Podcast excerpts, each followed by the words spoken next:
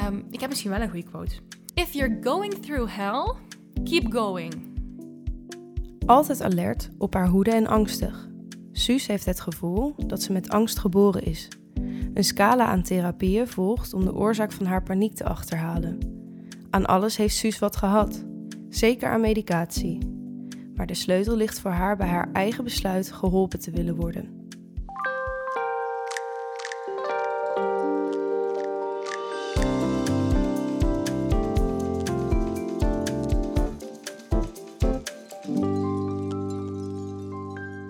Goedemiddag, Suus. Goedemiddag. We zijn hier in het prachtige Limburg in Oostrum, bij jou thuis op bezoek.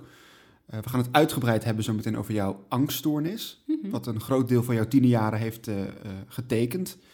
maar voordat we daarover beginnen, ben ik toch wel benieuwd naar wie er eigenlijk voor me zit. Tuurlijk, ik ben Suus. Ehm, nou, ik woon dus in Oostrum al, even kijken, 14 jaar, 14, 15 jaar. Um, ik ben 18 en van 2002 ben ik. Um, ja, en over wie ik ben. Ik vind het heel leuk uh, om te helpen. En dat klinkt nou ook weer heel te maar dat is echt iets wat centraal staat in mijn leven. En nou, niet alleen over hele zware dingen. Hulpverlening, als, echt. Ja, hulpverlening, ja. maar ook, ook over uh, mijn moeder. Als die iets nodig heeft. Gewoon te helpen. Helpen, helpen, helpen. Dat is echt iets wat ik heel leuk vind. Of als ook ongevraagd helpen. Soms als mensen geen hulp nodig hebben of willen, dan ben ik ook haantje te En waar, waar uit dat zich in dan? Um, nou, ik heb een uh, passie voor praten. en um, als mensen ergens mee zitten. Dan gaan we ontdekken, zo die passie precies, voor praten. Precies, precies. En als mensen ergens mee zitten. Um, nou, niet iedereen wil het daar natuurlijk altijd over hebben. ik wel. en dat is niet altijd helemaal. Dus je dwingt mensen tot een bekentenis. nou, dat ook weer net niet. Maar als ik de keuze had, hè. Nee, dat is. Dus ik ben de hele dag aan het praten en met mensen aan het praten. En kan, ik, ben, uh, ik kan ook echt wel mijn uh, mondje dicht houden. Maar als ik de kans krijg, dan, uh, dan brand ik erop los. En dat, en dat merk ik wel dat, dat heel veel terugkomt in oh, wat ik leuk vind om te doen: praten. Praten, praten, praten, praten. Ik doe ook dansen, al jaren. Um, in Venray ook. Nu, ja, zonder corona, drie, vier keer in de week. Dat is nou helaas niet meer. Dus nu één, twee keer online. Um, dat vind ik heel leuk. Dat heeft heel veel. Uh, hè, dat, uh, daar ben je lekker bewust van jezelf, lekker los, uh, niet nadenken, gewoon doen. Heerlijk. Um, zingen vind ik ontzettend leuk om te doen. Uh, niet per se dat ik er goed in ben, daar wil ik er helemaal niet mee zeggen. Maar, dat doet er toch ook niks. Dat, dat doet, er helemaal niet toe. Je hoeft helemaal niet goed te zijn om een hobby te hebben.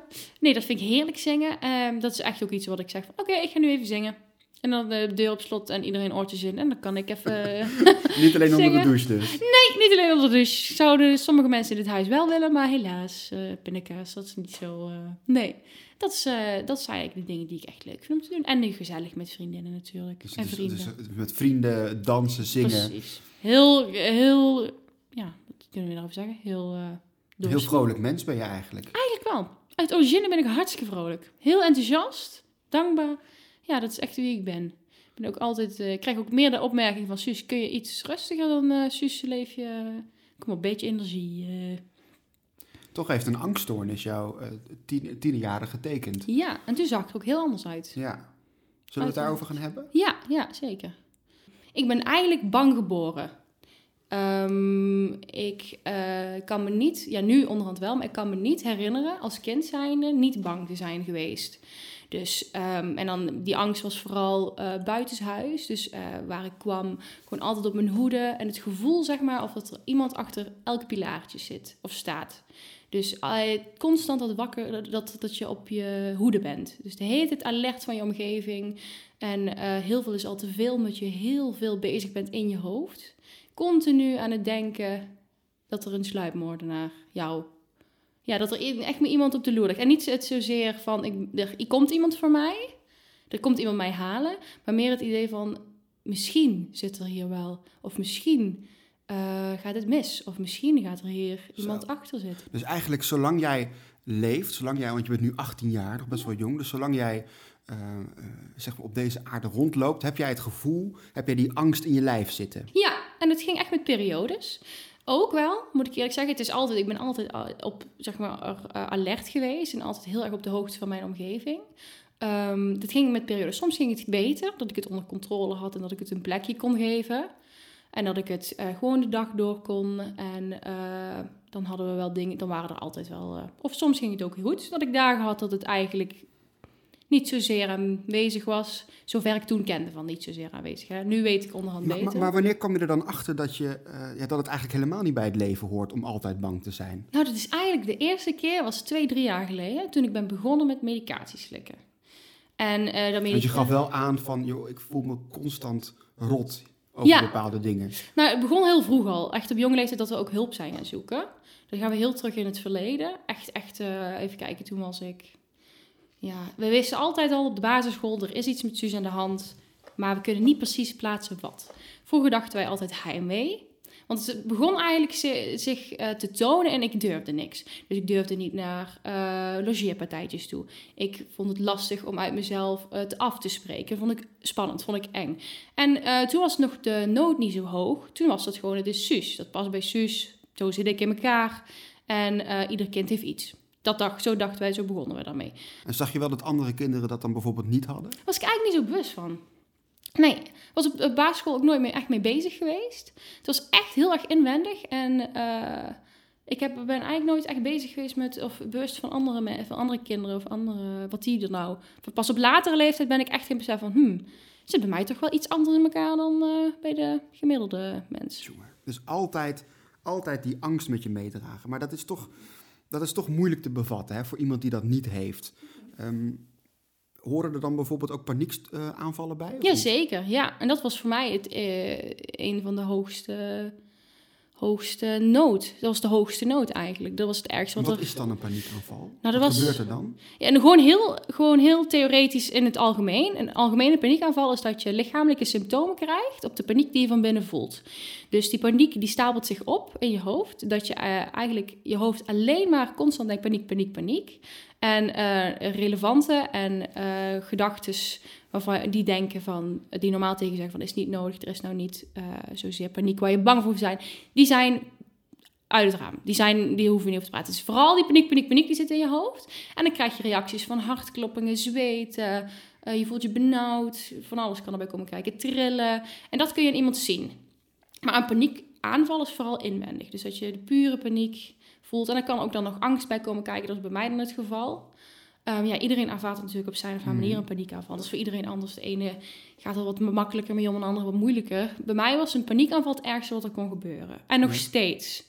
En dan krijg je dus op een gegeven moment angst voor de paniekaanval. Absoluut. En dan ja. is het een soort self-fulfilling prophecy waarbij het dus... Absoluut, plaatsvinden, klopt helemaal. Absoluut. Ja, dat je zo bang wordt inderdaad van een paniekaanval. Dat je alles wil controleren en overal invloed op wil hebben om dat te voorkomen. Inderdaad, je wordt bang om bang te worden. Op dat punt ben ik ook geweest. Dat je bang bent om bang te worden. En dat punt heeft wel echt, toen zat ik er echt doorheen. Ja. Toen dacht ik echt, eh, ja, dat ik niet alleen bang ben voor dingen die ik kan bedenken, maar ik ben gewoon bang om bang te worden. En dat is niet tegen te houden natuurlijk. Dus dat was wel een... eh, Waar was je dan precies bang voor? Ehm, nou ja, zei, in het algemeen dan hè, gewoon eh, altijd op mijn hoede. En dat ging wel echt, ik moet wel echt Ja. bij benoemen dat het soms wel echt goed ging. Ik ben bang bijvoorbeeld voor een sluipmoordenaar, maar Ja, wat was dan die angst? Dacht je dan echt, er staat iemand achter die muur hier? maar dat was eigenlijk heel verschillend. Dat is echt per periode ging bij mij eh, er iets, iets specifieks. Dat hoeft niet. Dus die, bij mij noemen ze dat ook een gegeneraliseerde angststoornis. Dus dat je eigenlijk eh, over het algemeen angstig bent. Ehm, en het gaat echt, want soms, ik moet ook wel echt benadrukken dat soms ging het echt heel goed hoor. Dat in sommige periodes wa- was ik, voelde ik me gewoon een gewoon kind en kon ik de dingen doen. Maar dat is natuurlijk altijd op de achtergrond gebleven. Maar wat dan die, die echte, die, eh, dan noem ik dan een beetje episodes. Mhm. Dus dat is een langere periode van die angst en paniek. Hoe die eruit zagen, dat was eigenlijk voornamelijk eh, intense angst. En dat duurde dan weken aan een stuk. En dat voelde eigenlijk alsof je... eh, ja, het voelt als werkelijkheid, maar het is bijna een droom. En dat vind ik heel lastig om uit te leggen, maar het is eigenlijk...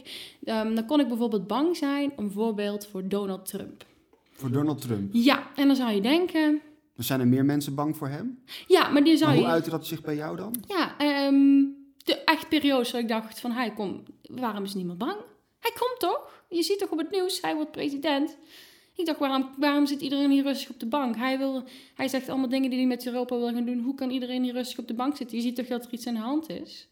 En dat is in een zin wel, eh, dat je denkt van oké, ik snap, snap waar de angst vandaan komt. Maar op de manier waar ik angst voor had en op de manier hoe dat zich uitte, was niet Nee. waarvan je denkt, nou... Ja, er zijn een hoop mensen die hebben bezorgdheid over het presidentschap van Donald Trump gehad. Ja. En over de dingen die hij zei en over de leugens die hij vertelde.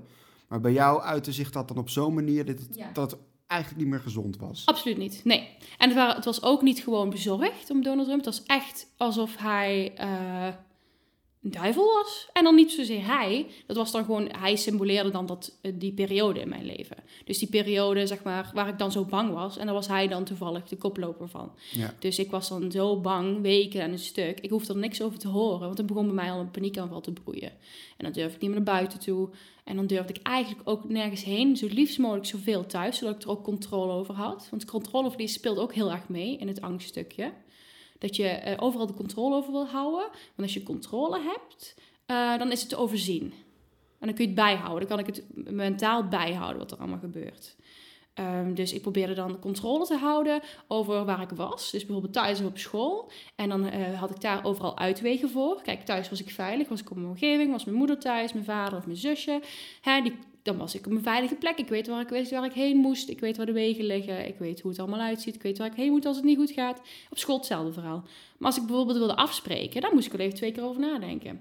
En niet omdat ik dacht, eh, wil ik dat wel? Maar kan ik dat? Je komt in een nieuwe situatie terecht. Ja, een nieuwe situatie. En, en waar ik niet weet hoe, wat, waar, wanneer. Was je dan ook altijd op zoek naar uitwegen, bijvoorbeeld? In een auto of in een trein? Dat je dat niet meer wilde doen? Ja, En vooral aan het kijken van, zit hier ergens iemand waar ik bang voor moet zijn? Al, eh, vooral namelijk echt, zit hier iemand in de trein eh, aan het rondkijken van, oké. En dan ook weer controle proberen te krijgen. Van, zie- voel ik me daar veilig bij? Ja, heb ik nou controle over? Is natuurlijk hartstikke onzin. Maar het gevoel van, ik zie die in de trein zitten. eh, voel ik me daar veilig bij? Ja, controle. In mijn hoofd. Ja. En eh, dat probeerde ik dan op heel veel situaties. Maar dat wa- was ook wel echt een ergere periode, hoor. Dat het echt minder goed met mij ging. Want hoe lang gaat het dan nu wat beter met je? Sinds medica- medicatie. Medicatie heeft echt voor jou de Voor mij, ja. Maar dat is heel persoonlijk. Voor mij heeft dat echt als persoon heeft dat heel erg geholpen. Ik geloof niet dat dat de oplossing is voor iedereen. Voor iedereen met een angststoornis of paniek of net wat. Dat geloof ik niet. Ehm, om, waarom geloof ik dat niet? Omdat ehm, ik heb heel veel therapieën al vooraf gevolgd. En ik zie daar heel erg veel eh, oplossingen in. Voor andere mensen eventueel. Het is echt waar je angst vandaan komt. Want er Ja. zitten heel veel aanleidingen in verschillende vormen. En waar de angst vandaan kan komen. Het is, kan genetisch zijn. Het kan zijn dat je iets mee hebt gemaakt. Oh, je zegt net inderdaad, bij mij is de angst aangeboren. Ja. Ik ben ermee geboren. Wat is dan die oorzaak bij jou? Is dat dan genetisch of heeft het een andere reden? Nou, dat is eigenlijk nog niet echt, is niet echt bekend. Ehm, natuurlijk heb je wel vermoedens. Dus ik denk dat het eh, in mijn familie zit. Wij denken, mijn vader heeft er last van, mijn oma heeft er last van. Dus wij denken dat het in familie zit en dat wij een gelukshormoontekort hebben. Dat denken wij. Of dat zo is, dat durf ik niet, jou niet met 100% garantie te zeggen. Maar dat is iets wat, wij, wat ons rust geeft, zeg maar. Ja, het gelukshormoon is dan serotonine. Dat ja, maakt je hersenen, serotonine. Ja, dat maakt hersenen maakt dat aan en daar voel je Ja. je prettig bij. Precies. En daardoor kun je. eh en maar serotonine heeft heel veel invloed ook op eh, dus angst en paniek. En dat reageert. eh, stel je hebt daar te weinig van. Heel veel mensen reageren er anders op. Dus stel je hebt dat te weinig. Mijn vader eh, heeft daarin gereageerd met eh, een hele ernstige depressie. Zo heeft hij dat geuit. En ik in een angststoornis en ook uiteindelijk een depressie. En eh, ja, dan moet dan natuurlijk wel gediagnosticeerd worden. Dus er moet een diagnose aan hangen, wil je dat zeker weten. Maar zo is dat bij ons een beetje tot uiting gekomen. En we, zeker weten we het niet, maar dat is wat wij nu vermoeden. Dus je vader en je oma, die hebben er allebei last van gehad. Herkenden zij dat dan ook bij jou? Nou, hun hadden, ja, je kan natuurlijk nooit zeggen, ik heb het erger dan de rest. Of die heeft het erger dan mij. Iedereen eh, maakt dingen mee. Eh, hoe, en hoe erg het is, moet, kun je alleen zelf invullen. Dat is puur persoonsgericht. Maar wat bij ons opviel, is dat ik er op een, hele, op een zwaardere manier mee omging. Kijk, of het wat met mij was erger was, dat weet ik niet. Want ik weet alleen wat er met mij gebeurde. Ik weet alleen dat ik er heftiger op reageerde. Nou, ik bedoel niet hoe, hoe erg het is, maar hoe, eh, of je vader het herkende bij jou. Ehm, dat vond hij lastig, want we hebben wel heel erg andere uitgangspunten. Maar hij zag het lijden in mijn ogen wat hij van zichzelf herkende. Maar de manier waarop het zich uitte, dus de angst voor het onrealistische, nee. Maar het, het, het lijden en het eh, snakken naar, eh, naar geluk, dat, dat herkende hij absoluut, ja. Ja. Ja. Je zegt, ik heb heel veel dingen geprobeerd. hè. Ik zit nu aan de medicijnen, die helpen mij enorm. Maar je noemde ook al therapieën. Op een gegeven moment heb je dan hulp gezocht hè, voor je angststoornis. Wat heb je allemaal geprobeerd? Nou, ehm, het begon met hulpverlening. We begonnen met hulpverlening, want het uitte zich lichamelijk. Eh, ik kwam op de eerste hulp terecht voor darmproblematiek. En dan denk je, wat heeft dat er in hemelsnaam mee te maken? Ehm, doordat ik dus psychisch zo belast was en het, kon, en het kan zich niet meer uiten, eh, of met verbaal of eh, op een andere manier, komt dat heel vaak lichamelijk hè, ten uiting. Ook bij stress merk je bij mensen dat ze of buikpijn krijgen of hoofdpijn. Hè, dat is heel normaal. Nou, bij mij waren, raakten mijn darmen verstopt. Ehm, toen ben ik onder onderzoek gegaan bij de kinderarts in het eh, ziekenhuis in Boeksmeer. En toen heeft die gezegd, nou, ik zie eigenlijk geen lichamelijke uitleg hiervoor. Waarom je zo jong bent en je darmen zitten al vol. Dus ik wil eigenlijk eens proberen of een kinderpsycholoog, die, of die erachter kan komen of het toevallig mentaal ligt. En die heeft gezegd, ja, dat, we zien inderdaad echt wel eh, hè, hier dingen Wat heftig dat je zo, zoveel angst hebt, zoveel pijn eigenlijk, mentaal, dat je darmen er verstopt van raken. Ja, absoluut. Ik ben echt ziek van eh, mentale moeilijkheden. Kan ik dood, doodziek worden. Ook Ja. omdat ik heel gevoelig ben voor zo'n soort dingen. Dus eh, stress, daar kan ik echt, echt, echt van zo'n angst doodziek worden. Echt lichamelijk koorts krijgen. Maar die kinderarts had dat door bij jou? Gelukkig. Ja, inderdaad. En toen? Nou, die heeft, nou, mijn moeder heeft dus altijd al vermoed van... Hè, er is iets met Suus wat niet helemaal... wat we niet helemaal een stickertje kunnen geven... of wat er iets aan is. Maar daar hebben we nooit op gereageerd. Want hè, ik wist niet beter. En mijn moeder eigenlijk ook niet. Ehm, dus toen hij, dat ziekenhuis was een beetje per toeval zo gebeurd. Want eh, we hebben wel eens gezegd... voor die kinderarts zullen we eens kijken of, of we iets anders aan aan... Maar is er nooit van gekomen... Ja, die kinderpsycholoog heeft dus gezegd... Nou, we willen jou toch na twee, één, twee jaar heeft hij gezegd... We willen je toch naar de GGZ sturen om daar verder onderzoek te doen. Want ik zie inderdaad dat er bij jou echt iets zit. Dat klopt niet. En toen was die, eh, want het heeft, dat, heeft, dat is gegroeid, hè, die angststoornis. Mhm. Dat is echt van, eh, dat is steeds erger geworden. En pas op latere leeftijd, of ja, latere leeftijd, 15, Je bent nog maar 18, ja. 14, 15, 13, 14, 15, is dat op zijn allerergst Ja. geworden. Maar dacht je niet van, joh, de GGZ, eh, ik, ben niet gek. Nee, dat dacht ik. Ja, nou, ik dacht eigenlijk. eh, nou ja, heel veel mensen hadden mij wel verteld het hele leven al van er is iets wat niet klopt en Mhm. er is niet wat. En dan ga je dan het uiteraard geloven. Ja. Dus eh, toen die kinderpsycholoog en die GGZ, ik stond er eigenlijk niet achter. Althans, ik was er eigenlijk niet mee bezig. Ik had zoiets van, nou, hun zeggen dat ik dat moet doen. Hetzelfde als als je een gebroken been hebt en de artsen zeggen van, nou, we willen jou gips geven. Nou, doe je dat, want dat is wat goed voor je is, denken ze. Eh, en dat is natuurlijk heel simpel. Je ziet een gebroken been, je doet er een gips om. Nou, dat is bij dit natuurlijk iets gecompliceerder. Maar zo deed ik het ook maar. De kinderpsycholoog zei, ik vind dat je naar de GGZ moet. En dat deden we dan maar. Ja. Eh, omdat ik ook niet beter wist. Ik was er nog niet bewust mee bezig. Bij mij was het gewoon normaal. Ik kan me niet herinneren dat ik ooit heb gedacht van... eh, verder heb gedacht aan het probleem. Dus het probleem was er, maar ik heb nooit gedacht toen van... Hè, Laten ik wist niet beter. zoeken. Nee, want ik wist niet beter. Ik Nee. dacht, zo ziet het leven eruit. Zo, dit is normaal. Ik dacht, zo, zo, dit ben ik gewoon. En als het niet normaal is, ja, dan ben ik dat gewoon. Dat hoort bij mij. Stel als iemand blauwe ogen heb- heeft, ik denk, ja, dat hoort bij mij. Dat is wie ik ben. Dus die angst die hoort erbij en dat is nou Ja, eenmaal dat normaal. dacht ik, ja. Ik heb nooit verder gedacht. En toen bij de GGZ hebben we dus meer onderzoeken gedaan. Dus heb ik cognitieve gedragstherapie gekregen. Eh, ik heb... ehm EMDR. Cognitief- wat is precies cognitieve gedragstherapie? Wat krijg je dan? Eh, dan hoop ik dat ik het goed zeg. Hoe ik het heb ervaren, ja. is dat je ehm, eigenlijk aanleert hoe je gedachten kunt reguleren. Of hoe je het gedachten kunt omzetten, eh, dat je een cirkel doorbreekt. Dus je hebt gedrag, gevoel en nog een G. Eh, gedrag, gevoel en Ja. nog iets. En dat gaat dan de hele tijd in een cirkeltje rond. Die, Dus die- bijvoorbeeld bij Donald Trump, Ja, dat is een gedachte. daar, dat is een, hè, dat- die gedachte die kwam bij jou op. Ja, En dan begon die visueuze cirkel naar beneden te gaan. ja. En die moest je doorbreken met cognitieve gedragstherapie. Ja. Oké, dan begrijp ik het. ja, want je denkt iets en dan ga je op reageren. Ja, En daar ga je over malen. En dan komen we terug bij het het denken. Maar er zijn drie dingen. Ik ben even het laatste vergeten, excuses.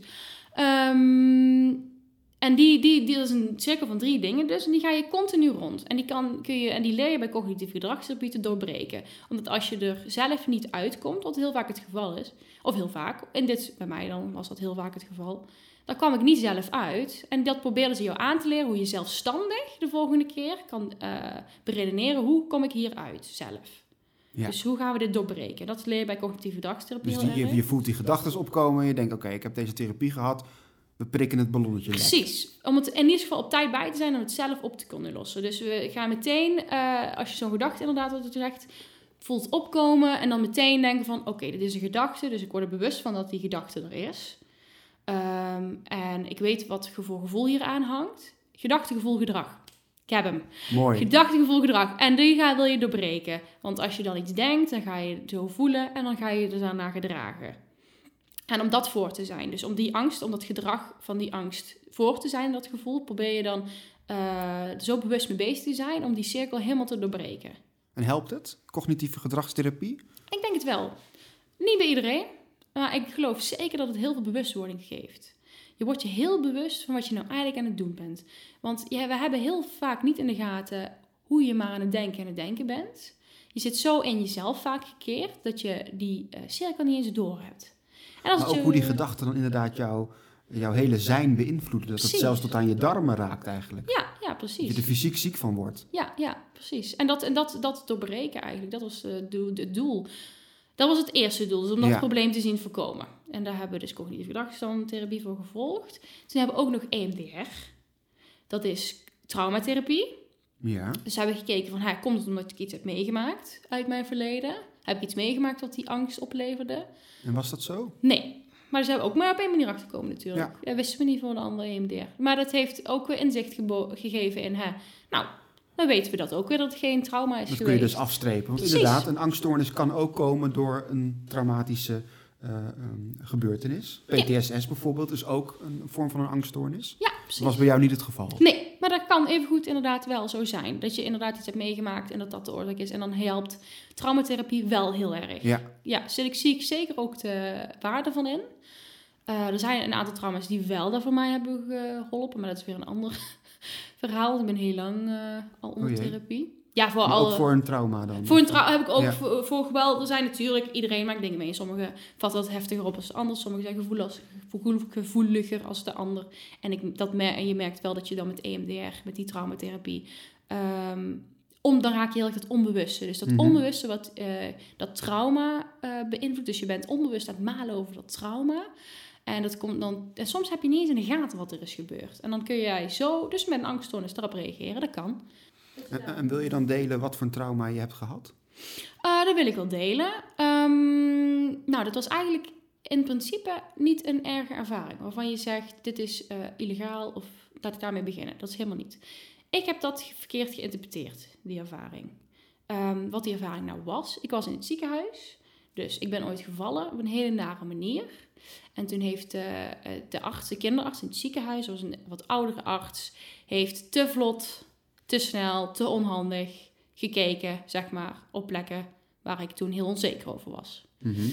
uh, want daar was ik op gevallen en, daar, en dat was eigenlijk puur begrip, dat moet gewoon, het hoort erbij. Maar dat is bij mij helemaal in het verkeerde box uh, geval, helemaal verkeerd gegaan is dat. Dus het feit dat hij, ik neem aan dat het een man was, ja, ja. daar keek, dat was voor jou uh, pijnlijk? Ja, en dat is helemaal niet, dat is eigenlijk een hele normale ervaring. Ik denk, ik ben er ook heel bewust van dat het eigenlijk helemaal niet... Dat is wat iedereen dagelijks meemaakt. Dat is helemaal niet gek. Maar dat is bij mij in het verkeerde keelgat geschoten. En dat is toen uh, verkeerd gevallen. Terwijl het eigenlijk helemaal niet... Want als ik er nu op terugdenk, door die EMDR... denk ik ook terug van, dit is helemaal niet... Dus die gebeurtenis kun je nu heel goed relativeren ja, eigenlijk? absoluut. Ik zie er absoluut nu geen... Uh, dat gevoel dat er toen bij is ontstaan, dat is er nou niet meer. Het is nu echt een vervaagd, vervaagde uh, herinnering. Zo zie ik het nu. Een vervaagde herinnering. Gelukkig. Ja, ja, ja. zeker. Dat je er niet meer op die manier naar, uh, naar terugkijkt. Maar je zegt dat trauma had geen invloed op mijn angststoornis. Nee. Heeft het dus wel dat was heeft... een ander hoofdstuk eigenlijk. Ja, maar dat heeft wel... Uh, ja, dat was niet zo'n prominent hoofdstuk, maar dat, was, dat heeft er wel ook in meegespeeld. Dat, dat veroorzaakte wel andere angsten. Dus ik, vond, ik durfde met gimmen niet meer uit te kleden. En okay. dat soort dingen. Dus dat ja. had ook weer te maken... Had daar zijn andere we ook, gevolgen. Ja, dat had andere gevolgen. Maar ja, dat, toen dachten we inderdaad dat dat ook in het pakketje angststoornis zat. En dat zal het eigenlijk ook. Maar het heeft er iets anders veroorzaakt. En dat heeft ontzettend veel geholpen, EMDR, daarvoor. Ja. Dus cognitieve gedragstherapie, EMDR, traumaverwerking, medicijnen. Ja, en dan zit er nog een, uh, tussen. Nog eentje? Dan zit er nog meer tussen. Ja, Ja, ik heb wat, heb je, wat heb je nog meer gedaan? ik heb Ja? familietherapie gehad, MDFT. Dus dat je, in, eh, dat je gaat kijken naar eh, het verband in de familie. Dus hoe zit het allemaal in elkaar en kunnen we daar iets aan doen? Hoe de een op elkaar reageert en hoe kan de familie jou het beste helpen? En hoe kun jij jouw familie het beste helpen met de situatie? Want natuurlijk, dit doe je niet alleen. Als je thuis woont, dan gaat dat ook jouw familie aan. Die zijn Ja, nou helemaal, omdat je zegt dat je vader er ook last van heeft. Ja, zeker. En je oma. Ja. ja, en mijn moeder die heeft zelf niks, maar die heeft er ook ontzettend last van gehad. Ja, natuurlijk, Ja, omdat ze met jou eh, ja daar te maken mee krijgt. Ja, ja, die heeft haar kind heel erg gezien, eh, wat ik uit haar woorden dan, hè, heeft haar kind heel erg zien lijden. Heel, Dus op een En hele nare vader, is die er gezien. bijvoorbeeld nu ook vanaf, van zijn angststoornis? Mijn vader, Ja? van zijn depressie. Ehm, Depressie, sorry. Nee. En dat komt eigenlijk omdat voor hem de nood nog niet hoog genoeg is. Hmm. Ehm, hij ziet dat als iets dat bij hem hoort en hij ziet niet, eh, hij, hij ziet niet de, de, de nood in om er nu iets aan te doen. Hij ziet ook niet in dat hij helemaal gelukkig kan worden. En dat heeft hij geaccepteerd. En eh, dat is zijn manier van ermee omgaan. Ik had het heel graag anders gezien bij hem, want ik geloof daar heel erg in. Maar dat is zijn manier van omgang van, met die depressie. Hij, heeft het, eh, hij probeert nog steeds dingen hoor, maar hij iets andere uitgang heeft dat en iets anders dat hij daarmee omgaat. Maar hij heeft ook naar een psychiater geweest en hij heeft heel veel dingen ook geleerd. Hè. Je- Met de gaandeweg leer je heel veel, inzicht en bewustwording enzovoort. En dat heeft hij ook geleerd. En alleen hij heeft gezegd van zo zit ik in elkaar en dat kan ik accepteren dat ik zo mijn leven leid.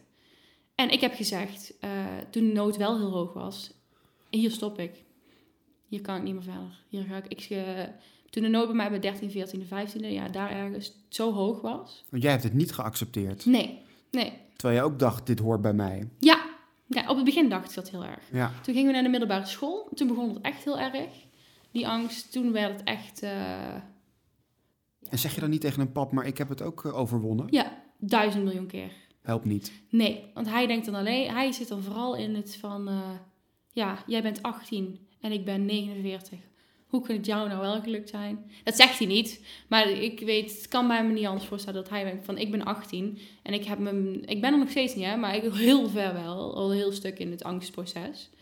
Ehm, en hij, ja, hij heeft het allemaal gezien en hij heeft gezien hoe ik ermee omga. Alleen hij, het lukt hem niet om die stappen te zetten die ik heb gezet. En deels wel. Maar hij heeft ook al natuurlijk, hij, heeft al, hij is al veel langer daarmee bezig met dat proces, al twintig jaar. En ik heb er maar een aantal jaren, ben ik met het proces bewust. mee. En hij heeft al twintig jaar zelfstandig zoiets van. eh, dus hij weet ook niet meer. Hij, hij, hij, kent, hij kent zichzelf nu al zo lang. En dat is, dat denkt hij dat- dat hij is. Ja, en dat Ja. is zo. eh, En bij jou, eh, nou ja, je, hebt- je hebt echt heel veel geprobeerd en heel veel gedaan ook. Dat is familietherapie, dus dan leer je de, de, de, de familielijnen kennen.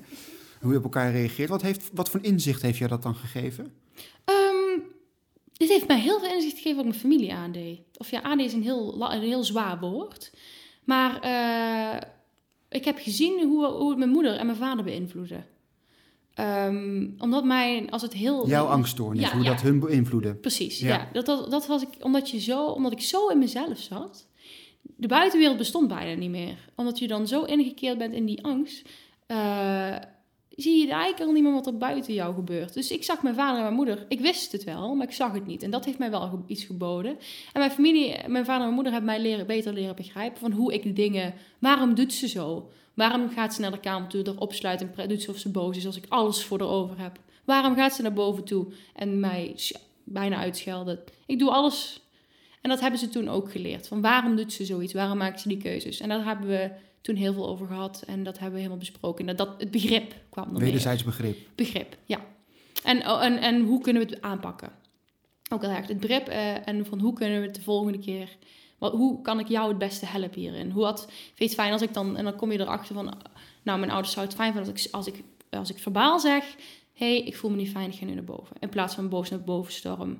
En dat heeft al... Die hele kleine dingen hebben al heel veel verschil gemaakt. Ja, zeker. Voor de familie. Wat heb je nog meer gedaan dan, naast familietherapie?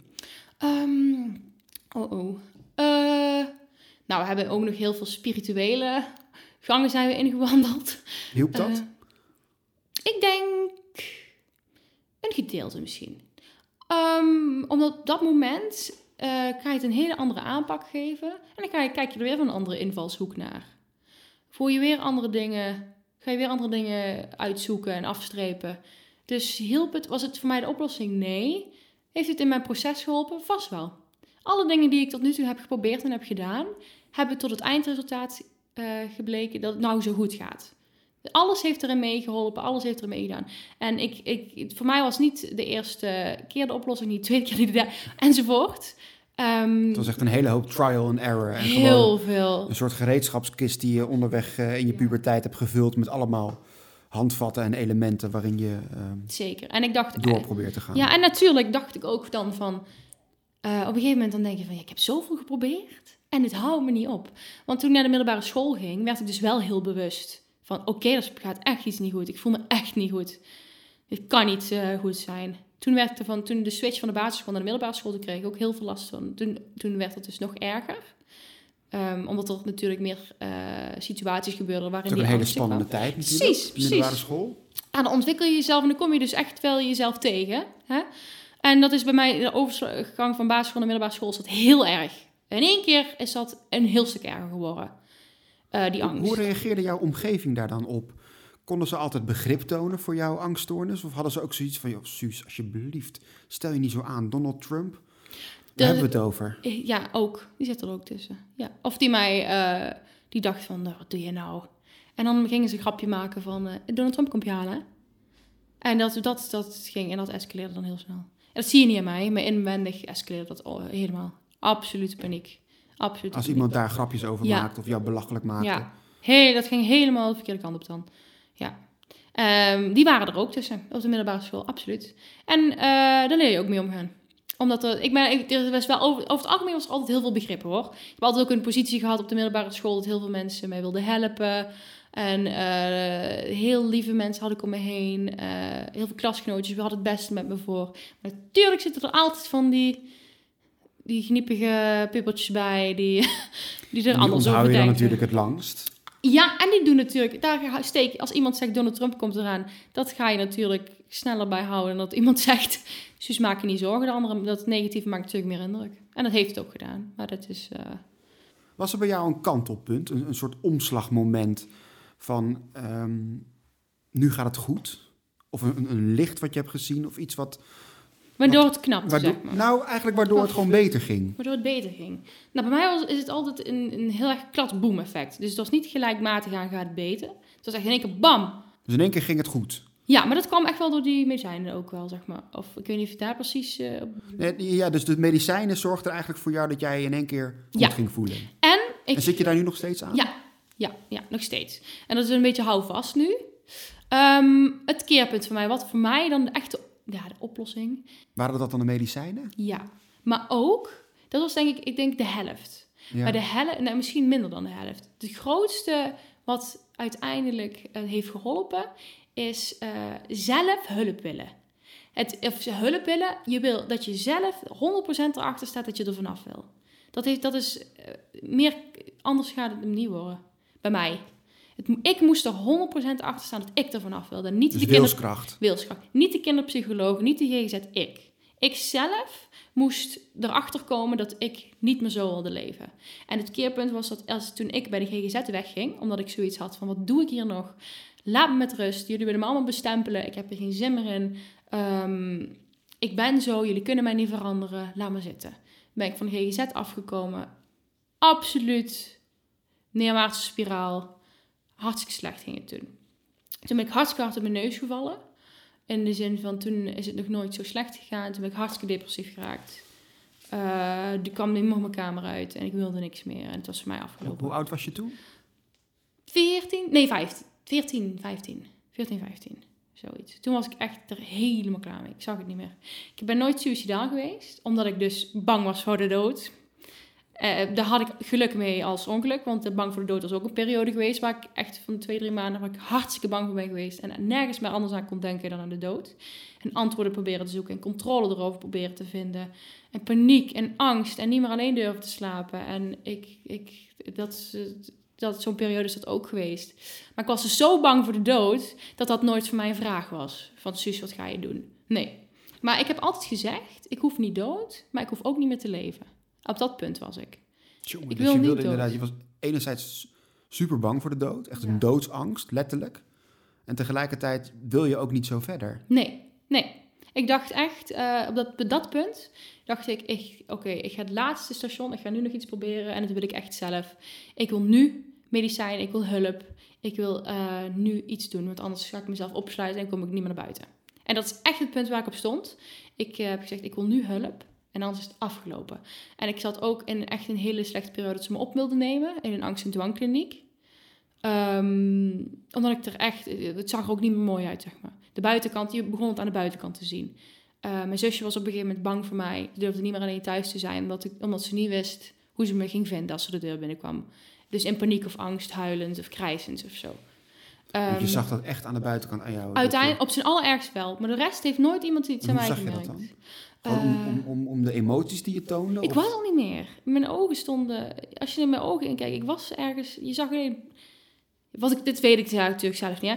Uit wat ik heb gehoord, je zag echt alleen pijn. Alleen, alleen pijn en verdriet en verderf. En eh, ik wilde niet meer. Ik was klaar mee. Ik was echt klaar mee. Helemaal... eh, ik, daar begonnen we dus in die, spi- spi- blub, die spiraal kwam terug. Ehm, angst. En, ik, en dan denk je van, ik kom hier niet meer uit. Dit is wie ik ben. En niemand heeft voor mij een oplossing. Ik heb zoveel geprobeerd. En niks is de oplossing. Dus dit is wie ik ben. Dus ik moet mijn hele leven in pijn leven. Dacht ik. Dus ik moet de hele, mijn heel mijn leven ben ik bang. Hoe ga ik dat doen? Dat kan ik helemaal niet. Wat een verschrikkelijk idee om dat te moeten hebben. Ja, ja als ik er nu op terug word, kan ik er bijna emotioneel worden. Als ik denk aan die Suus, was echt een ander mens nu. Maar dat is echt, als ik daaraan denk, kan ik bijna weer eh, emotioneel worden daardoor. Terwijl ik helemaal geen emotioneel persoon ben. Gewoon omdat ik, nu denk ik aan dat meisje dat zo bang was voor de wereld. Zo bang voor de wereld. En voor alles wat er kon gebeuren. En mezelf helemaal gek maken. Dat was, het aller, mijn allergrootste talent, mezelf gek maken. Tot in, eh, totdat ik niet meer verder kon. En toen heb ik eh, tegen mijn huisarts gezegd van... Ja, jongens, ik, ik kan niet meer. Het houdt hier... Ik moet nu iets doen, want anders houdt het hier op. En dat zei mijn omgeving dus ook. Staan wilden ze me opnemen. Ze van, Suus, dit, dit inderdaad, het kan echt niet meer. Wat, jij nou, wat het hier nou gebeurt, het is niet normaal. Nou, ik hou sowieso niet van woord normaal, hè, maar dit is niet zoals eh, je hele leven moet, zou moeten leven. Toen ehm, kwam ik bij die angst- en dwangkliniek. En dan zou ik dan tien weken opgenomen worden, of twintig. En eh dan zou ik dan een hele week blijven en dan het weekend naar huis. En toen ben ik zo boos geworden. Zo ontzettend boos en verdrietig. eh, want ik wist, ik kan me niet voorstellen dat ze iemand met een angststoornis, die nog niet eens bij de opa en oma durft te slapen, tien weken lang in een huis wilde zetten waar ik niet uit kon. Ik kon niet bevatten.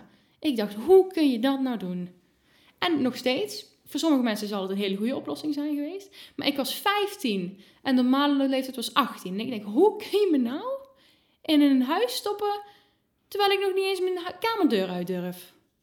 Dus dat was voor mij, en toen werd ik heel boos en vooral ook heel verdrietig en paniek weer van, oh, stel je voor. Hebben we uiteindelijk niet gedaan. Ook omdat ik heb gezegd van, dat doe ik echt niet. Kun je, eh, Dus jij zei van, ik ga dat niet doen, ik ga punt. dat niet doen, punt. En mijn ouders hebben ook echt wel gezien van dat doet. Ik kan me niet voorstellen dat Suus dat doet. Want Suus, die, eh, ik durfde nog niet bij open oma te slapen. Laat staan in een eh, huis waar ik niemand ken. Dat was echt geen optie. Nee, nee, nee, nee. Oeh, als ik, dat zou, als ik die stap zou kunnen nemen, dan was ik al van mijn angstzones af geweest. Zo zie ik dat. eh. Ja, zo kun je het ook bekijken. Ja. Als ik dat kon doen, Dus het alternatief was medicijnen. De dokter zei tegen jou, oké, hier heb je antidepressiva. ja. Dat had ik al van tevoren gehad. Maar dat was niet mijn keuze toen. Toen hebben ze gezegd, misschien is dit een optie. En toen werkte het niet. Toen hebben ze, eh, hebben ze zelfs tegengewerkt. Dus het werd erger. Eh, ik kreeg pseudoepileptische aanvallen.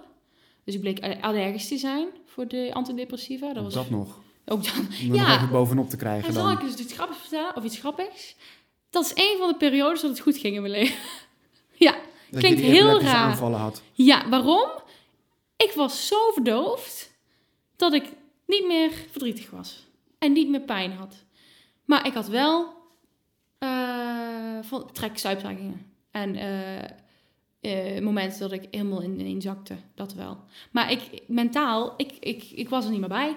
Dus ik kon ook, ik was niet meer, ik kon niet meer gelukkig zijn, maar ik kon ook niet verdrietig zijn. Dus, Dus dat de was- hoogtepunten en de dieptepunten, die waren allemaal afgehaald. allemaal. Het was één saaie rechte lijn. Ja, en toen hebben we toen natuurlijk, want dan kun je niet meer doorgaan met eh, waar je pseudo-epilepsie van krijgt, dat, Nee. dat gaat het niet worden. Dus hebben we daarmee gestopt. En eh, toen ben ik dus, dat was nog bij de GGZ. Eh, en toen ben ik met die medicatie gestopt en toen heb ik gezegd, is klaar. En toen, de tweede keer dat ik medicatie probeerde, dat was dus de laatste stop. Dat was sertraline. Dus toen heb ik uit mezelf gezegd, ik wil dit. Ik wil dit, ik kies hiervoor, ik wil nu een oplossing. Ik wil nu Ja, dat er naar mij geluisterd wordt. Ik, wil, eh, ik weet precies wat ik wil. Ik weet precies wat ik niet wil. En dat is medicijnen, want ik kan het niet zelf. Ik heb eigenlijk altijd geredeneerd als... Je kan ook niet tegen een gebroken been zeggen, word beter. Dat kun je niet met praten doen. Zo is het in mijn, mijn eh, angst. Dus die pillen waren eigenlijk jouw pleister. Ja, ja, precies. En eh, toen heb ik die. En toen heeft de psychiater tegen mij gezegd: Oké, Suus, we geven jou medicijnen. Maar dan willen we wel dat je eh, iedere week familietherapie krijgt, MDR, EMDR, eh, MDFT. En dat je één keer per zoveel bij de eh psychiatrische verpleegkundige komt. Dus heb ik gezegd: Prima, maar ik wil die medicijnen. En ik wil geholpen worden en ik wil een oplossing. En ehm, toen dat allemaal in gang werd gezet, toen kwam ik erachter: Wow, oké. Dus zo ziet het leven eruit. Wat de hel. Geen idee dat het leven er zo anders uitzag dan dat ik dacht. Dat je een stabiel leven hebt. Ehm, voor zover hen, voor mij. Dus voor mij was eigenlijk niet normaal, was normaal. Echt een openbaring voor jou. Zo van, oh, dus zo kan het ook. Ja, echt een opluchting. Ik wist niet dat het, zo, dat het er zo Gezellig bij opa en oma langs, met vrienden afspreken. Ja, dat, dat, kon- dat ging. En natuurlijk niet in één klap. Maar het is langzaam is dat, dat ik dacht van, huh, dit kan ik. En huh, dit kan ik ook. Oh, heb ik dit, dit kan ik. Dit, huh, kan ik dit? En voor mij waren de kleinste dingen al de grootste overwinning. Ehm, ik, Zoals bijvoorbeeld? Ehm, naar de supermarkt gaan en niet bang zijn. Dat was echt iets waar ik zo trots op was. Dat ik naar de supermarkt was gefietst. Zonder eh, van mensenschuw. Dus echt dat ik dacht... Dat, dat onderbuikgevoel, weet je wel. Je weet wel als je... eh, stel je voor, je in het midden van de weg... En je ziet in één keer een vrachtwagen met 100 km per uur op je afkomen. Dat, dat gevoel dat je dan in je onderbuik zou hebben... Dat gevoel had ik als de supermarkt instapte. Dus, en dat gevoel ging toen weg. En ik weet niet, wist niet wat ik meemaakte. Echt niet, nee. Jongen, dus zo kan het dus ook, inderdaad. Ja. En hoe lang is dat nou al zo? dat je je Nou, nu goed voelt? ik denk al drie jaar. Dat ik drie jaar medicijnen ook. En drie jaar gaat het best wel stabiel. En ik, het blijft, hè, ik blijf Suus. Ik blijf altijd eh, een controlezoekend persoon. Ik blijf altijd eh, meer gestrest als anderen. Ik blijf altijd angstiger als anderen. Maar dat is oké. Want ik, ik kan erdoor functioneren en dat is, daar kan ik mee leven. En dat is absoluut geen probleem, want ik kan wel leuke dingen doen. Ik kan genieten van mijn leven. Op de manier dat ik dat wil en op de manier dat het hoort. En eh dat kan ik is helemaal prima. Helemaal prima. Want zoals ik je nu meemaak, hè, je loopt hier een ongelooflijk leuke hond, Ja. loopt hier door het huis. En je zit, het, is, het is gezellig hier, ik bedoel, je zit er goed bij. Maar voel je je ook goed of heb je toch nog wel wat spanningen? Ik voel me echt goed. En, en jawel, spanningen zeker. Ik ben ook nog, eh, nu ben ik weer opnieuw onder eh, behandeling eh, in Venray. Omdat ik heb gezegd, ehm, nou, ik heb nog steeds het idee dat er een aantal dingen zijn die ik graag wil verder nog meer eh, wil leren over mezelf. Want ik wil graag, waarom zou ik de jaren die ik nog heb, ehm, nog zo stressvol beleven? Waarom zou ik niet op zoek gaan naar de beste versie van mezelf? Dat klinkt heel cliché misschien, maar ik, ik, het is gewoon van waarom wil ik, eh, waarom zou ik genoegen nemen met eh, gewoon en dat ik nog wel, want ik heb echt wel nog steeds wel periodes dat het moeilijk gaat, maar dat is een ander stukje dan het angst. Ik ga naar onderzoeken naar andere gedeeltes van mij, wie ik ben, eh, het, het, is aut- autisme spectrumstoornis, ADD, dat, die gaan we allemaal onderzoeken. Van speelt daar niet iets mee? Want dat kan ook een oorzaak zijn van een angststoornis. Je bent eigenlijk nog meer op zoek naar jezelf nu. Ja, en, maar, dat is, en, maar ik, kan, ik ga het hartstikke goed met mij. Er zijn nog elementen die je graag wil ontdekken. Precies. Ja. En ik wil het graag onder controle houden. Dus ik wil voorkomen dat ik terug ga naar die periode. En ik ben niet van overtuigd dat ik daar ooit helemaal terug ga. Ehm, maar ik zou, ik, ik, ik, ik zou wel graag nog eh, willen uitsluiten, hè, wat is er nou met mij in de hand? Dus dat het niet meer op een andere manier terug kan komen. Ik wil ervoor zorgen dat het niet eh, uit op een andere manier. Ik wil, ik wil gewoon graag ervoor zijn nu. En niet meer pas op het, eh, als, het, als het eigenlijk al, het glas al leeg is. Ik wil nu gewoon meteen het voor blijven, zeg maar. Ja, en dat, eh, dat is, ja. Ik ben voorstander van hulp zoeken, want het is er. En ik kan me heel goed in bedenken waarom je het niet zou willen. Want die periode heb ik ook gehad, of waarom je het niet zou durven. Of waarom je die stap niet zou willen zetten. Uh, want het is natuurlijk een heel angstaanjagend iets om iemand in jouw leven mee te laten kijken, om jouw hoofd mee te laten kijken. Die donkere vlekken die je hebt in je hart, om die aan iemand te laten zien. Dat is, uh, dat is sommige mensen is verschrikkelijk spannend en eng. En dat kan ik heel goed begrijpen, maar ik ben ontzettende voorstander van hulp zoeken. Want hulpverleners, die zijn daar zonder, die zijn niet bevooroordeeld, geheimhoudingsplicht. En die zijn er echt met de allerbeste bedoelingen voor jou. Het is natuurlijk ook zo dat in Nederland hebben 1,1 miljoen mensen een vorm van een angststoornis. Dat kan een depressie zijn of, of, of, of een paniekstoornis of PTSS. Uh, dus er zijn heel veel mensen die hetzelfde meemaken als jij. Ja. Voel je dat nu ook zo, dat er dus heel veel mensen zijn zoals jij? Ik, um, ik bekijk de wereld nou wel een beetje anders. In de zin van, ik heb, ik heb, of zoals ik weet ik niet. Waarom? Omdat ik het eigenlijk nog nooit heb gezien bij iemand anders. Maar ik weet 100% zeker dat die er zijn.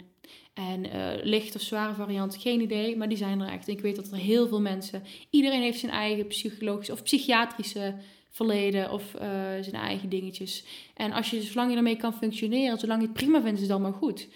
Maar stel, je kan dat niet, of, want dat, is, is helemaal niet erg als je dat niet kan, of als het je niet lukt.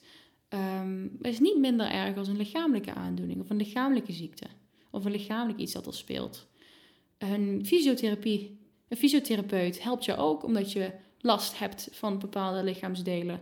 En daar schaam je je ook niet voor. Of daar, daar mag je ook gewoon heen. En die wil je ook, ook geheimhoudingsplicht, die wil ook het beste met jou voor. Hetzelfde met een psycholoog of met een psychiater of wat dan ook. Je hebt precies dezelfde instelling, alleen iets wat er in je hoofd speelt. En het is net zo erg, als het niet erger is, dan een lichamelijke aandoening. Alleen we kunnen het niet zien, dus het is niet vatbaar. Dus heel veel mensen gaan ervan uit dat het er niet is. Dat is natuurlijk waar de mist in gaat. Want we weten allemaal en we ervaren allemaal onze eigen mentale problematiek. Die heeft iedereen. Licht of erger vorm, of eh, bijna niet, of heel veel. Iedereen heeft het. Uh, moeilijk of makkelijk. En um, ja, ik ben gewoon hartstikke voorstander van... als je hulp nodig hebt of als je het niet alleen kan... je hoeft het ook helemaal niet alleen te doen. Je bent ook helemaal niet alleen. En dat zie ik nu al een stuk meer in. Ik zie ook meer mensen... ik zie mensen nu ook meer van... er is helemaal geen normaal. Er is niemand die normaal is om mij heen. En dat zie ik nou in, meer dan mezelf zo'n buitenbeentje. Dat besef, inderdaad. Ja. Komt, komt natuurlijk ook al uh, ja, op vrij jonge leeftijd voor jou. Ik bedoel, je bent 18 jaar, net volwassen. De hele wereld ligt nog voor je open. Ja. Wat ga je doen? Wat zijn je plannen? Um, nou, ik ga sowieso de hulpverlening in. ik hoor het um, al een ehm, beetje aan uh, nou, ik ben heel erg uh, wel het lichamelijke... dus ik wil heel erg op de eerste hulp verpleegkunde wil ik hierna. Ik doe nu dokterassistent, de opleiding, ben ik bijna mee klaar. En daarna wil ik graag een HBO gaan doen, verpleegkunde. En dan zijn er nog heel veel mogelijkheden, maar ik wil graag mensen helpen. Ik heb echt een ik, mensen, mensen ben ik. Is ook heel persoonsgericht. En ik wil graag uh, met de dingen die ik bijvoorbeeld nu vertel, heb ik, ik heb wat meegemaakt, net zoals iedereen dingen meemaakt. En um, ik hoop gewoon dat ik met mijn ding dat ik heb geleerd, mijn dingetjes die ik heb geleerd, dat ik die, die hoef ik niet voor mezelf te houden. Of als ik daar maar ook maar één iemand mee hè, mee inzicht kan geven. Of als één iemand mee denkt van ik ben niet alleen. Dan ben ik al, dan is het dan mooi. Dus je wil ook aan de slag gaan als een soort ervaringsdeskundige? Absoluut, ja, ja, ja. Ja, ik ben ook helemaal niet vreemd van... Uh, ik schaam me er niet voor. Ik denk ook, dit hoort bij mij. Dit is wie ik ben. Dus maakt het helemaal niet uit. Je ziet het niet aan me. En zoals je het wel zo... En, um, ik kan er goed mee omgaan. En waarom zou ik me voor iets schamen dat mij mij maakt? Dat is Suus.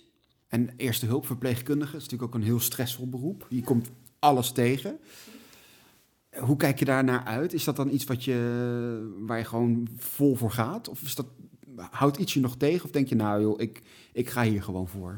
Um, jawel, ik ga er zeker voor. En ik zal, het meeste wat me tegenhoudt eigenlijk, is naar nieuwschool. Nieuw. Nieuwigheid. En niet eens het beroep, maar nieuwigheid. Dat is nog steeds, blijft altijd een angst. Dat blijft nog een spanningspunt. Absoluut, ja. En dat is ook waar ik dus nog aan mee aan het werk ben. Om daar, om, dat, om mezelf dat makkelijker te maken. Dat ik nieuwe dingen niet zo tegenop kijk. Ja, maar ik kijk er hartstikke naar uit, want uh, spoedeisende hulp, dat is niet niks. Dat is een uitdaging, ook voor mij, hè, want uh, daar komt heel veel stress bij kijken en heel veel emoties. Van hoe gaan we daarmee om? Maar ik zie dat als een uitdaging. Ik kan niet wachten om mijn bijdrage eraan te geven. Om iets van mezelf daarin te geven. Dat lijkt me heel fijn. Je geeft al een beetje aan, hè, van als, ik, als ik iemand kan helpen met mijn verhaal, dan ben ik al hartstikke blij. Wat zijn nou de lessen die jij hebt geleerd uit je toch eh, roerige uh, puberjaren eigenlijk. Welke lessen heb je geleerd? Heel veel, maar de, de echt heel, heel, heel veel. Maar de, die echt... Um, en de belangrijkste? De belangrijkste, ja. Die, dat zijn denk ik... Um, dat, nou, over mijn leven denk ik dat je nou, dat hulp verlenen. Niet bang zijn om, om je hoeft, heel veel mensen denken dat ze het alleen moeten doen. Of als je die alleen kan, dat dat fout is. Maar uh, gebroken been kun je ook niet alleen oplossen. Dan heb je ook een gipsmeester voor nodig of een verpleegkundige. Ehm, dus dat zeg maar, daar geloof ik heel erg in. Je hoeft het niet alleen te doen, je bent niet alleen. Iedereen heeft zijn of haar dingetjes. Uh, en dan welke gradatie dan ook. Iedereen heeft zijn moeilijkheden. En als je dat alleen kan, is dat prima. Als je het heel erg gaat en je kan het accepteren, je kan ermee omgaan, prima. Als dat jouw manier is van ermee omgaan, dan ben ik hartstikke voorstander. Maar um, als je het niet alleen kan en je wil het wel, maar je durft niet, dan ben ik, dan zou ik bijna willen zeggen, kom hier, kom bij mij, kom bij mij, kom bij mij, ik wil je helpen, ik wil je helpen. Dat zou ik dan zeggen, van je hoeft het niet alleen te doen. Er zijn honderden mensen met goede intenties en die alleen maar willen helpen. Dus dat, dat heb ik heel erg geleerd. En um, stukje bang zijn, um, ja, ik ben heel bewust geworden eigenlijk. Heel dankbaar ga ik door het leven. En het klinkt ook weer heel cliché en heel... Uh, ja, ik vind het heel erg... Uh, ik ben heel dankbaar geworden. Van alle... Op het begin was ik ook zo'n dankbaar persoon... dat ik dacht... Wow, ik kan naar de supermarkt. Wat een feestje dat ik naar de supermarkt kan zonder bang te zijn. Of... Uh, wow, ik kan in de trein zitten zonder dat ik bang ben. En dat waren die kleine dingen waar ik al ontzettend dankbaar mee ben. En dat, dat mensen ben ik geworden heel erg. Heel dankbaar voor kleine dingen al. Echt kleine overwinningen kleine leuke dingen. Daar ben ik al hartstikke gelukkig mee. En, dat, en als je daar bewust van bent, dat het ook anders kan. Hè, als je daar echt tot de kern treedt. En dan, dan word je heel gelukkig van. Van het bewustzijn ben ik ook heel gelukkig geworden. En uh, door de hele route die ik heb beloofd, hè, tot 18 jaar. Um, die, daar heb ik gewoon heel veel in meegenomen. Cognitieve dagstherapie heeft me heel veel gegeven. In inzichten en hoe ga ik daarmee om, hoe ik daarmee om. Um, en lessen, ja, ik, ik ben van de quotes. Um, nou, kom maar op met een mooie quote. Met een mooie quote. Oeh, dan zeg je me wat. Um, oh. Mag er even over nadenken hoor. Ja, ik durf het even niet te zeggen hoor. Moet ik eigenlijk opzoeken bijna. Er zijn natuurlijk ook mensen die hier naar luisteren die denken... oké, ik herken een deel, of misschien een groot deel van Suster verhaal. Uh, welke valkuilen zou je ze voor willen waarschuwen? Um, nou, eigenlijk de donkere periodes. Dus dat je, dat je, geen, dat je denkt dat het uitzichtloos is. Um, een, hele gevaarlijk, een heel gevaarlijk kenmerk is dat je uh, angstig wordt voor dingen die er kunnen gebeuren. Um, angstig, dus voor de angst, wat we op het begin al hadden benoemd. Hè? Van, dat je, op een gegeven moment ga je bang worden voor bang zijn. Um, en zo in zo'n donkere kuil, als je daar dan in zit, dan is het heel moeilijk om daar bovenop te komen. En dan denk je soms onmogelijk. En dat voelt ook zo, onmogelijk. Maar dat, het, het, het is heel belangrijk om te weten dat het absoluut niet onmogelijk is. En het klinkt heel makkelijk nu, hè? Ik zeg dat even 1, 2, 3, dat is helemaal niet moeilijk. Of het is wel moeilijk, maar het is haalbaar. Het is hartstikke moeilijk. Um, ik heb misschien wel een goede quote. Ja, komt-ie. Ik dacht, we eindigen er zo mee, maar kom maar oh, met je quote. If you're going through hell, keep going. Die, heb ik, die staat heel erg... Ik geloof dat dat een quote is van uh, Winston Churchill. Ja, klopt. Ja, die vind ik, die hartstikke bijzonder. Die vind ik heel mooi. Uh, waarom zou je stoppen als je... Ja, je kan uh, proberen altijd door te blijven gaan, want er is een einde. Ook al is die heel ver in zicht, die is er wel. En waarom zou je ooit stoppen met vechten? Of met, je hoeft niet altijd te vechten, maar waarom zou je ooit stoppen met proberen? Um, als er nog zoveel mogelijkheden zijn. Als je nog zoveel, ook al heb je het gevoel dat er niks in je zit, want daar ben ik ook echt geweest. Hè? Dat je het gevoel dat er niks meer in zit, het kan niet meer, laat maar zitten. Dan is mijn grootste advies, ga gewoon door. Niet opgeven aan, aan iets minder dan wat je waard bent. Niet opgeven als je het gevoel hebt dat je het niet kan of dat je te bang bent. Niet opgeven als je, um, als je de puff niet meer hebt of als je denkt ik kan het niet meer. Waarom opgeven? Dat heb ik geleerd. Nooit opgeven. Nooit. Zullen we op deze toon uh, en op deze noot eindigen? Hele mooie, hele mooie. Dankjewel Suus voor je verhaal. Graag gedaan. En ik hoop dat mensen er wat aan hebben. Ik hoop het ook. En dat het goed gaat met je in de toekomst. Ja, ja. ik heb er volle vertrouwen in. En in iedereen heb ik volle vertrouwen. Dankjewel.